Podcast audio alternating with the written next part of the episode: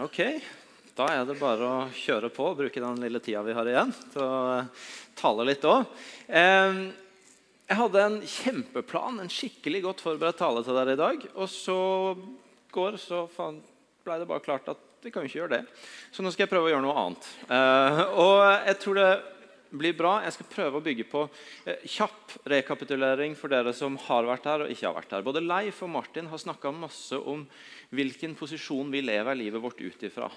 Eh, Leif fredag kveld om å leve i stol 1, som dere fikk, fikk en fin liten reprise på her i formiddag. Eh, om, om, det å leve fra Gud mer enn for Gud. Om istedenfor å leve for å gjøre Gud fornøyd, så leve med et utgangspunkt i at Gud er glad i deg, han er fornøyd med deg, du har toppkarakterer hos han. Og så blir det utgangspunktet for å leve livet med han. Og Martin i går formiddag som snakker om at hvis Gud er far, så er jeg hans sønn. Ferdig snakka. Det er ikke noe mer å si, det er ikke noen andre titler som er bedre, enten det skulle være tjener eller slave eller et eller annet. Du er sønn eller datter, selvfølgelig. Eh, du har barnekår, og det skal få være utgangspunktet for å leve med Gud og ut ifra Gud, mer enn å leve for å gjøre han fornøyd og for å strekke opp til et eller annet. Er ikke det bra?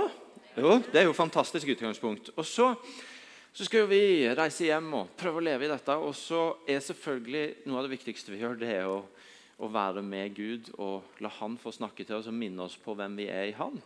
Og så tror jeg mange av oss har gjort den erfaringa av at noen ganger så kan det være uh, utfordrende hvis, er, hvis, det ikke finnes noen andre stemmer som bekrefter det.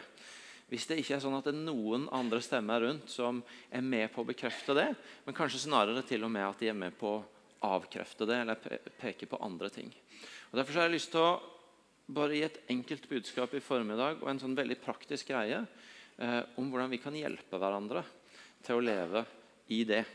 Og jeg, Folk hører Gud på forskjellige vis. Jeg er ikke av de, altså, Vi har Øystein i staben her som leder lovsang. Han hører ofte Gud med masse sånne rare bilder fra dyreverden. Så jeg tenkte at han egentlig burde starte en kristen dyrekanal på TV. Eh, jeg er mye kjedeligere, så jeg, jeg, nesten alltid så er det liksom bare ut fra Bibelen et ord som popper opp og som taler til meg. og det, det er liksom det som skjer. Men en sjelden gang, og da må Gud gjerne ta tak i noe som, som jeg har, uh, har et forhold til så snakker han til meg fra andre ting. Og Det skjedde i mai, når jeg lå på ei solseng eh, i Rodos og leste det fantastiske fotballbladet Josimar.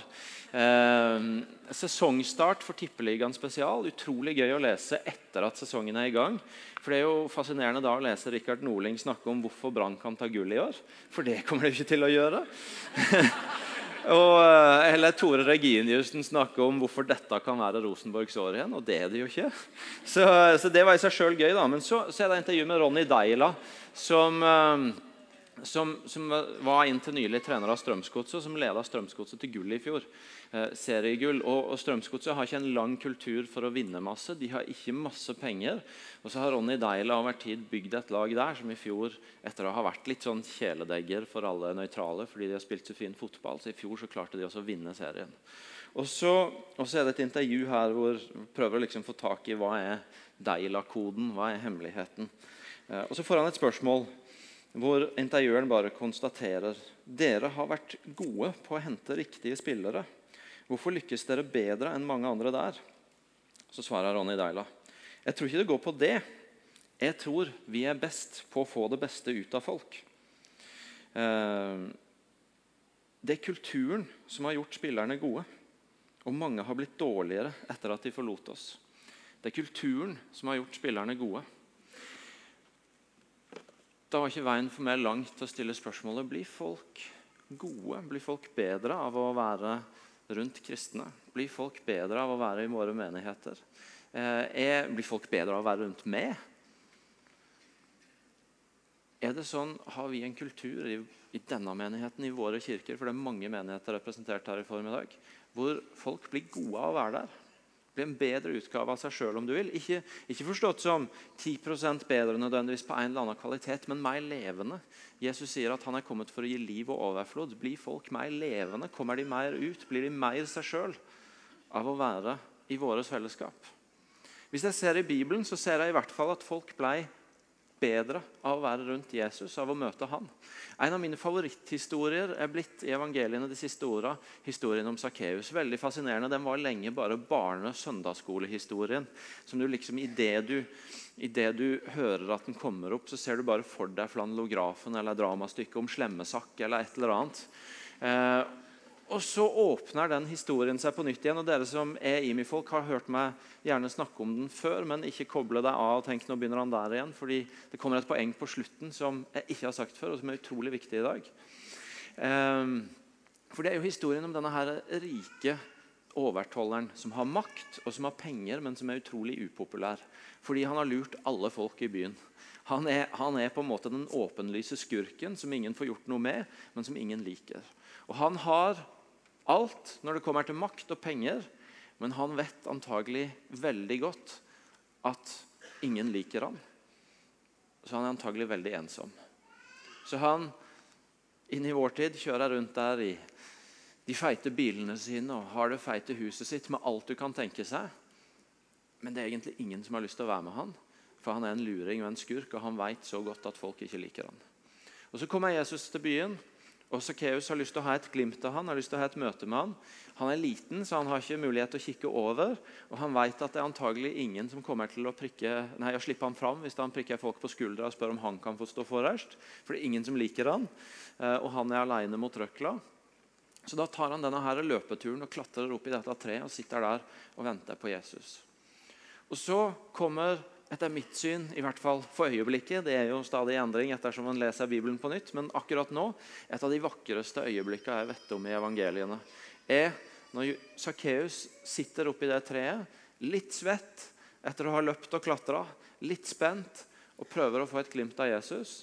Og så kikker Jesus opp.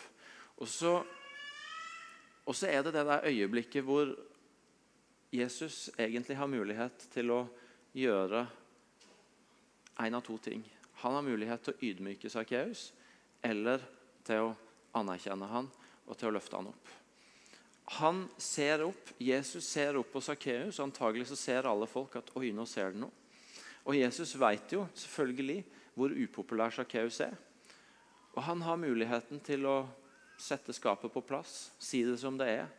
Egentlig bare gi Sakkeus ei lekse. For han må jo ta seg sammen. Han driver og lurer folk for penger. Han har gjort det lenge, og han er blitt rik på andres bekostning. Jeg vet ikke om dere av og til opplever det, men det er jo, dessverre så er vår verden så skrudd at noen ganger så er det sånn at faktisk Hvis du vil bli populær sjøl, så er det en god ting du kan gjøre. Det er å ydmyke noen andre. Hvis Jesus hadde ydmyka Sakkeus, så hadde han antagelig fått folkets applaus og blitt enda mer populær sjøl. Fordi han valgte å ydmyke han og kanskje gjøre narr av han, gjøre han litt til latter. Se på han der med alt dette her eh, jugelet på seg og flotte bilen og alt det der, men det er jo bare lureri. Og Så velger Jesus en helt annen vei. Så velger han å si jeg har lyst til å komme på besøk til deg. Jeg har lyst til å sitte ned rundt deg og spise med deg. Som, Hvis vi tenker oss om, så tror jeg vi vet sjøl at det er ekstremt anerkjennende. Jeg vet at at det å bli invitert hjem til noen, få lov til å sitte ned rundt bordet til noen, det er for meg en invitasjon inn som, som betyr noe. Som, som, gjør godt, som varmer. Som forteller meg noe om at 'oi, jeg ble tatt imot'. Og Jeg har selv hatt flere opplevelser bare de siste månedene hvor folk, folk, folk kommer og sier noe om at vet du noe, En ting er det å på en måte komme i snakk og bli kjent og se at 'oi, her er det spennende folk'. Men det å bli invitert hjem i stua di å sitte ned rundt bordet, det betydde noe. Det lå det en varme og en anerkjennelse i. Og Det er det Jesus gjør med Sakkeus. Jesus er på besøk i en annen by, så han har ikke ei stue å invitere hjem til sjøl. Så han inviterer seg sjøl hjem til Sakkeus. Og det er jo eh, kanskje skulle det også, faktisk, For å være ærlig så syns jeg også det er utrolig kjekt når folk inviterer seg sjøl hjem til meg. Når jeg får skjønne at oi, de har lyst til å komme, komme inn i min stue. Så det er noe veldig anerkjennende i det òg. Og Så setter de seg ned rundt bordet, og så vet vi ikke helt hva praten har gått i. Jeg ser for meg at Når Jesus kommer inn til Sakkeus, så må, så Sakkeus bare ha følt seg utrolig avslørt. Fordi der kommer Jesus inn og ser all denne rikdommen. Og det er jo bare helt åpenbart at Sakkeus har fått den pga. fant og lureri. Han, han, er rik på andres bekostning. og det må, det må, jo bare være så åpenbart når de går inn i denne her luksusboligen til den overtolleren, at det ser utrolig flott ut, men det stinker. Og Likevel så setter de seg ned rundt bordet, og så snakker de sammen. Og så skjer det et eller annet som vi vet ikke helt hvordan den samtalen foregikk. Men vi ser hva som ble effekten at Jesus valgte å anerkjenne istedenfor ydmyke. Nemlig at, Jesus, at Sakkeus kommer sprellende ut og, og, og, roper ut Herre, halvparten av alt det eier, jeg gir deg til de fattige. Og har jeg pressa penger av noen, så skal de få firedobbelt igjen. Halvparten av alt det eier til de fattige, og firedobbelt igjen til de har pressa penger for. Det er mer enn det han trengte å gjøre i forhold til hva som, var, hva som lover og sånn forventa. Firedobbelt igjen. Det er jo noen ganger når folk kommer hjem fra, fra Åpen himmel eller andre konferanser eller sånn, og har fått et møte med Jesus, så er det bare helt sånn og så, og, så, og så, tenker jeg å, det, det, det, er flott, men det er litt inderlig. Ta, ta, det litt rolig. og Det er nesten litt sånn med Sakkeus. At liksom, ja, konge Sakkeus, men, men, er du sikker på at du vil dette, eller er du litt ivrig nå? liksom? Halvparten av alt du eier, og i tillegg firedobbelt igjen de du har pressa penger for. Er du sikker på at du har så mye penger engang? Det, det, liksom, det er, en, det er en massiv forandring. Det er en massiv forandring. Og det skjedde ved ikke at Jesus kikka opp på han og sa kom an, skjerp deg, Sakkeus. Du er jo en fant og en luring. Men det kom at han gjorde den anerkjennelsen og sa kom, kom an, kom ned, Sakkeus. Jeg har lyst til å spise med deg. Jeg har lyst til å komme inn i hjemmet ditt og sitte rundt bordet ditt. Og så blir Sakkeus en annen og en utrolig mye bedre utgave av seg sjøl. Utrolig mye nærmere den han var skapt til å være, gjennom å møte den anerkjennelsen hos Jesus. Jesus velger anerkjennelse framfor ydmykelse. Og det som kommer ut i andre enden, er en utrolig mye bedre utgave av Sakkeus. Og Hvis Jesus kom for å gi liv og overflod, så tenker jeg at vi får se en utrolig mye mer levende utgave av Sakkeus. En, en, en, utgave som har mye mer av det livet Jesus kom for å gi. Um, jeg sier ofte at jeg tror håpet for evangeliet i Norge det er å se vanlige mennesker som meg og du, som har et liv med Jesus, åpne det livet vi har med han, for noen rundt oss. At framtida for Guds rike ikke er noen få kjente ansikt på en scene, men det er mange Guds folk i hverdagen sin, i nabolag og eh, på jobber og blant familie og venner, som åpner opp det livet de har med Han. Det livet hvor de vet så godt at de lever fra Gud. At de er sønner og døtre, at de er elska, at de kan gå trygge med en sånn frimodighet på det. Og så begynner de å åpne opp det livet for verden rundt seg. Og, og Jesus sier det når han sender ut sine disipler i Lukas 10, så sier han høsten er stor, og arbeiderne få. Det betyr egentlig alle mann på dekk. Her er mange som trenger å få møte en Gud som er god, og her er mange færre som kan gjøre den jobben. Vi trenger alle. Det er ikke bare for noen som er spesielt flinke på det, noen som har en spesiell gave på det, noen som får lønn for det.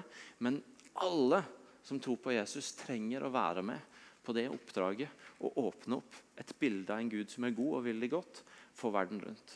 Det er så mange mennesker som ikke har sagt nei til Gud fordi de ikke liker han, men fordi de ikke har oppdaga at han er god, ikke veit hva evangeliet er, ikke vet hva det vil si å være en sønn og datter av Gud den allmektige.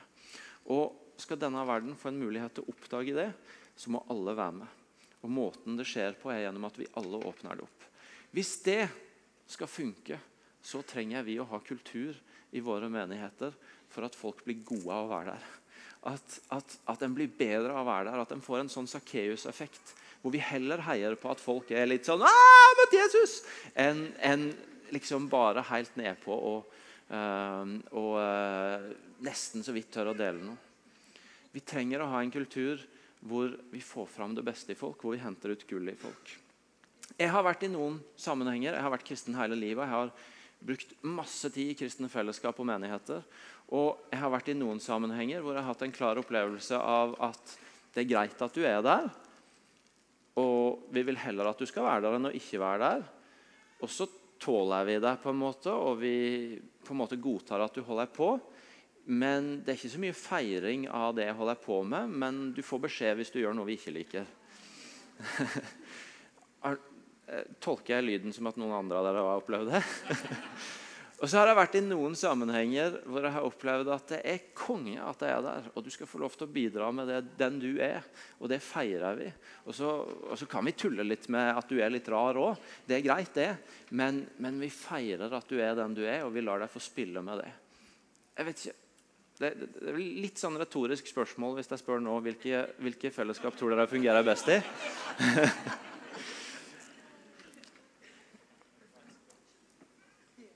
Utgangspunktet for å bli anerkjent er at Gud er en anerkjennende Gud. Som anerkjenner sine skapninger, de han har skapt, og som, og som bare er utrolig opptatt av å formidle at han elsker oss, at vi er hans, og at han ser så utrolig mye godt i oss som han har lagt ned i oss. Den lille Bibel, Johannes 3, 16, eh, La meg nå sikre at jeg ikke bare tar det på gefühlen og siterer feil. For så høyt har Gud elska verden at han ga sin sønn den enbårne, for at hver den som tror på han, ikke skal gå fortapt, men ha evig liv. For så høyt har Gud elska verden. Det er ikke sant? Det er orda som sier noe om en kjærlighet som går fra Gud mot oss, og som det er en utrolig sterk anerkjennelse i. Men at han ga sin sønn den enbårne.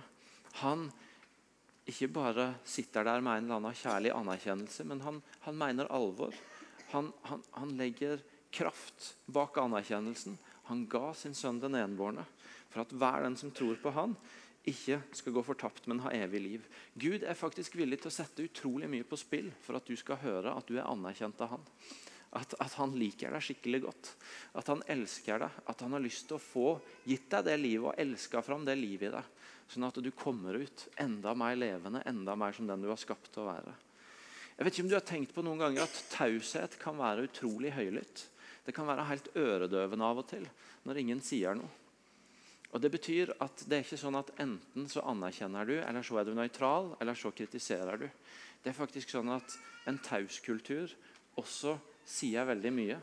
Og Det betyr at hvis vi ønsker å ha en kultur oss imellom hvor vi anerkjenner og på den måten spiller hverandre gode og spiller ut det beste i folk, sånn at det flest mulig er mobilisert til å møte en Gud som er god, så funker ikke en taus anerkjennelseskultur. Men da funker bare den uttalte, den høylytte, den akkurat som, akkurat som Gud er villig til å gjøre sin anerkjennelse veldig synlig ved å sende sin egen sønn, så er vi villige til å gjøre vår anerkjennelse synlig ved å tale den ut og ved å vise den overfor hverandre. Ikke bare ved, som vi nordmenn er veldig flinke på og kanskje kjenne han veldig inderlig inni oss. Eh, underlig. Av og til så bobler frustrasjonen vår ut, men vi er veldig flinke til av og til å holde anerkjennelsen inni oss. Um, I hvert fall har jeg opplevd det. Jeg vet ikke om dere har opplevd det. Har dere det? Ja, kanskje. Skapelsen. Vi er skapt i Guds bilde. I Guds bilde. Tenk på det. At hver enkelt er skapt i Guds bilde, dvs. Si med et avtrykk av Gud på seg. Eh, med et bilde av Han som bor i oss. Tenker du på det når du ser et annet menneske? Enten et du ser hver dag så du er blitt så vant til det at du, at du, at du noen ganger glemmer å, å, kikke ordentlig etter. Eller du ser et nytt menneske. Tenker du på at Oi! Guds bilde. Du har lyst til å møte Gud, ja? Ja, kjempebra å gå på Åpen himmelkonferanse. Ikke slutt med det, men jeg kan jo møte Gud i du òg, for Guds bilde er i det. Tenker du på det når du ser folk? At det går an å prøve å se forbi det som er du ikke alltid ved første øyekast liker, og se oi, men her skal jeg finne Guds bilde. Jeg sier ikke at dette er kjempelett. Jeg sier ikke at jeg er ekspert på det sjøl, for det er utfordrende. Men jeg tror veldig på det vi sier her noen ganger, at det å følge Jesus var meint å være lett å forstå og heller utfordrende å leve. Og vår tendens er å gjøre det komplisert å forstå og lett å leve. Dette er egentlig ikke så veldig komplisert konsept. Det handler om å anerkjenne, om å se det Gud har lagt ned i den enkelte. Se Guds bilde i den enkelte og tale det ut. Eh, men det kan være utfordrende noen ganger å komme inn i det. Anerkjennelse det er en måte å leve på. Det er en måte å leve på hvor du bestemmer deg for at dette er det jeg ønsker å gi ut.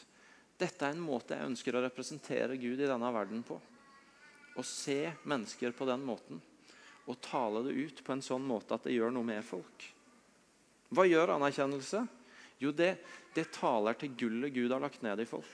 Det taler til det som hver enkelt For vi tror faktisk ikke at noen i denne salen er én i mengden for Gud, men at alle er en unik en som har lagt, som Gud på en måte tok seg tid til å, å legge en sånn helt unik greie ned i, som ingen andre egentlig kan bringe til bordet.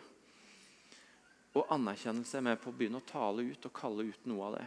Mange av oss har ikke alltid helt oppdaget det sjøl. Vi vet ikke hva som er unikt i oss. Vi vet ikke hva Gud helt har lagt ned i oss som er så spesielt. Anerkjennelsen fra andre begynner å tale det ut. Begynner å hente det ut. Og Noen ganger så skjer det i det naturlige ved at vi, vi bare sier det vi ser. Og Noen ganger så skjer det profetisk ved at Gud gir oss et ord som minner oss om noe som ligger foran det mennesket. Noe som er det det livet det mennesket er meint å leve og være. Og så, og, så resonnerer det fordi at det møter noe som Gud har lagt ned i det mennesket. Jeg fortalte folka som var på seminaret i går, om min opplevelse fra ei tid tilbake hvor jeg gikk tur med en fyr som jeg, som jeg begynte å bli kjent med. Og, så opplevde jeg bare Gud sa til meg at uh, du skal si til han at han er en uslepen juvel. Han er en juvel. Og jeg bruker ikke å kalle andre menn for juveler. Det er meget kleint. Det er dypt kleint. Men så sier jeg det ut, og så berører det noe i han, fordi at eh, det var Guds hjerte for ham. Det var noe av det Gud så igjen. Det taler til gullet Gud har lagt ned i hver enkelt. Det beskytter oss fra å være styrt av omgivelsene. Det beskytter oss fra å være sånne som bare responderer på det som kommer til oss. For det er klart at eh, Hvis jeg bare kan være anerkjennende hvis andre er det mot meg, så er jeg jo helt prisgitt hva som møter meg.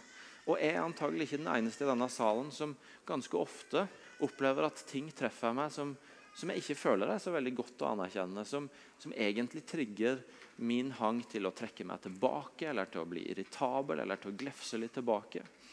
Og så er det å velge å leve et anerkjennende liv vår mulighet til å, som Jesus, ikke la seg styre av at det sitter en syndig toller oppi et tre nå, og han burde egentlig fått en smekk.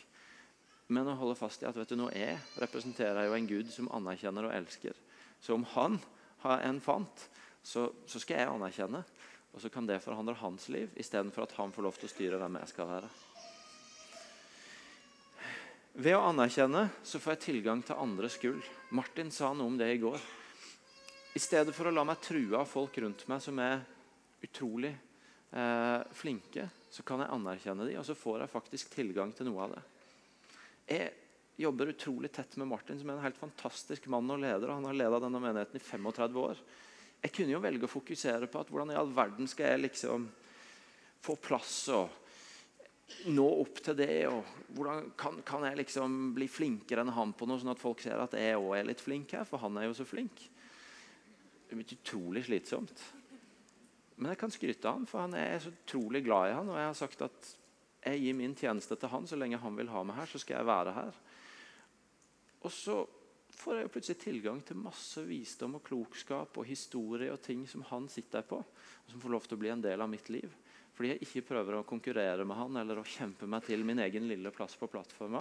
Men fordi jeg egentlig bare er utrolig takknemlig for å få lov til å stå sammen. Når vi anerkjenner ja.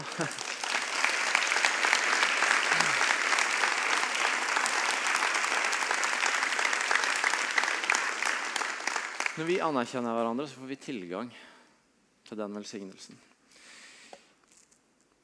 Anerkjenne kultur gjør at forskjellighet blir en verdi og ikke et problem. At det faktisk er en berikelse at vi ikke er helt like. Jeg som liker rette linjer og klare planer og kjøreplaner og faste tidsskjemaer, og, og, at ting er godt planlagt og kommer velformulert ut. Jeg, jeg trenger ikke å sitte og bli stressa av at Anne Ingel eller Terje de er mye mer løse kanoner enn meg. Og det kommer ut ting som jeg tenker ja, det tror jeg ikke du hadde skrevet på lappen din. i hvert fall. Hvilken lapp? Hvilken lapp, ja. Helt riktig. Hvilken lapp.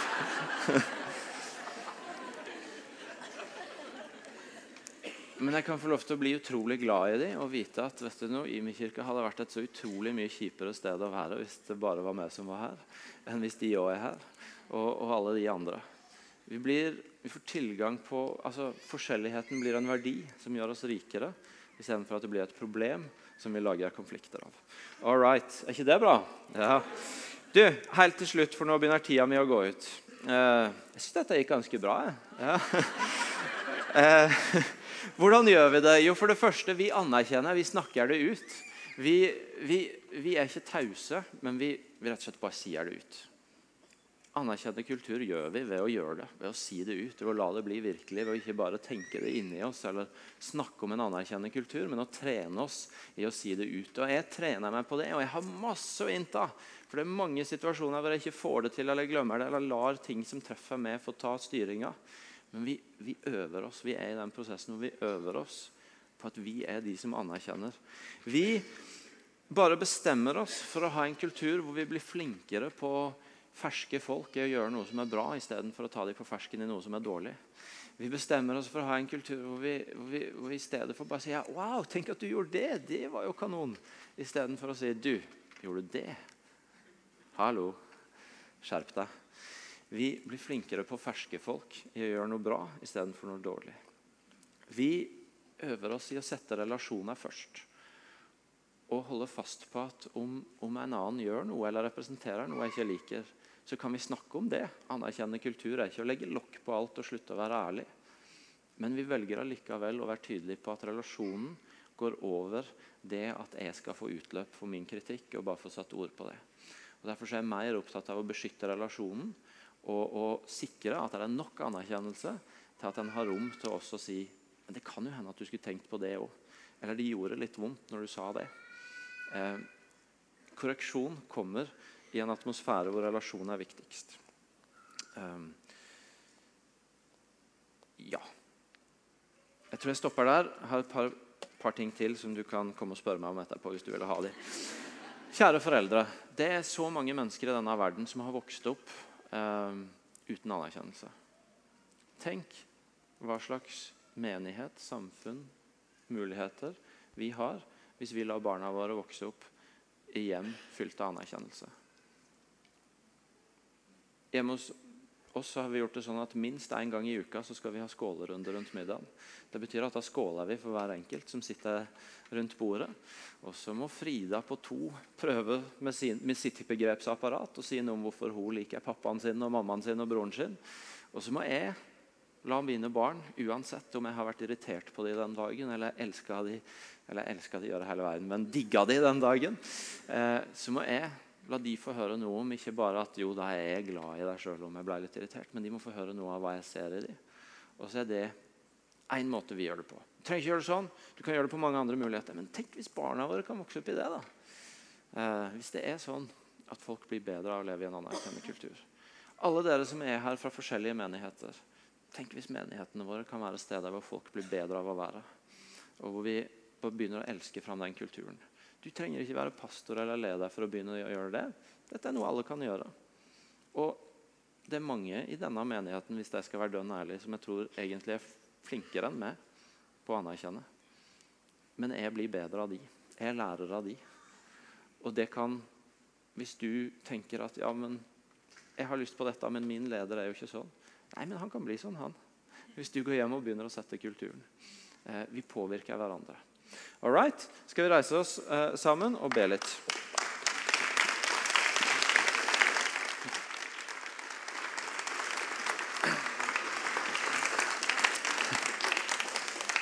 Takk skal dere ha. Nå ber vi til Jesus. Kjære Gud, jeg takker deg for at du er en så anerkjennende Gud som elsker, og som er villig til å sette kraft bak de ordene. Vi har et rop til deg denne formiddagen, og det er at vi skal få være folk, menigheter, familier som folk blir bedre av å være i. Alle vi som står her inne, kan sikkert komme på våre historier om der vi kunne vært mye flinkere på det.